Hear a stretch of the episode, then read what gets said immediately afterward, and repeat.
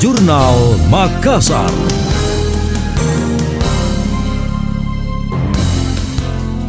Saya Emil Faris dalam Jurnal Makassar. Balai Latihan Kerja BLK Maritim di Makassar memulai tahapan pembangunan. Peletakan batu pertama groundbreaking berlangsung Selasa 23 November 2021 oleh Menteri Ketenaga Kerjaan Ida Fauzia. Ikut mendampingi pada acara seremoni tersebut Wakil Wali Kota Makassar Fatmawati Rusdi dan hadir pula PLT Duta Besar Austria untuk Indonesia Philip Rusi. Ide dalam sambutannya menyatakan apresiasi pada pemerintah Austria akan kepeduliannya pada Indonesia. Gedung itu dihadirkan dihadirkan untuk pengembangan sesuai dengan program prioritas pemerintah dalam sektor maritim. Selain itu, dia mengungkap adanya kerjasama sebagai hadiah untuk Makassar yang menurutnya unggul di bidang maritim. Sementara itu, Wakil Wali Kota Makassar Fatmawati Rusdi menyambut baik dan siap bersinergi agar dapat menghasilkan SDM yang unggul dan bernilai saing tinggi. Dia berharap para lulusan BLK memiliki tingkat kemampuan yang dapat dipertanggungjawabkan.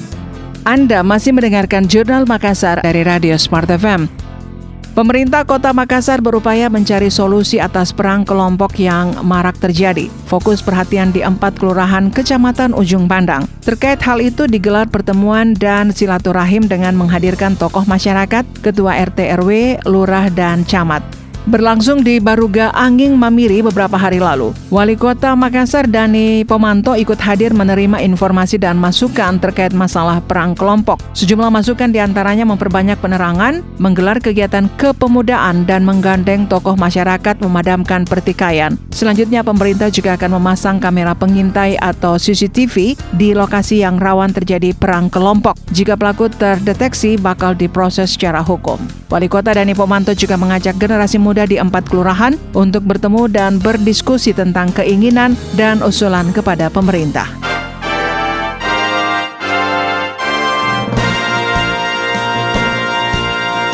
Demikian tadi, Jurnal Makassar.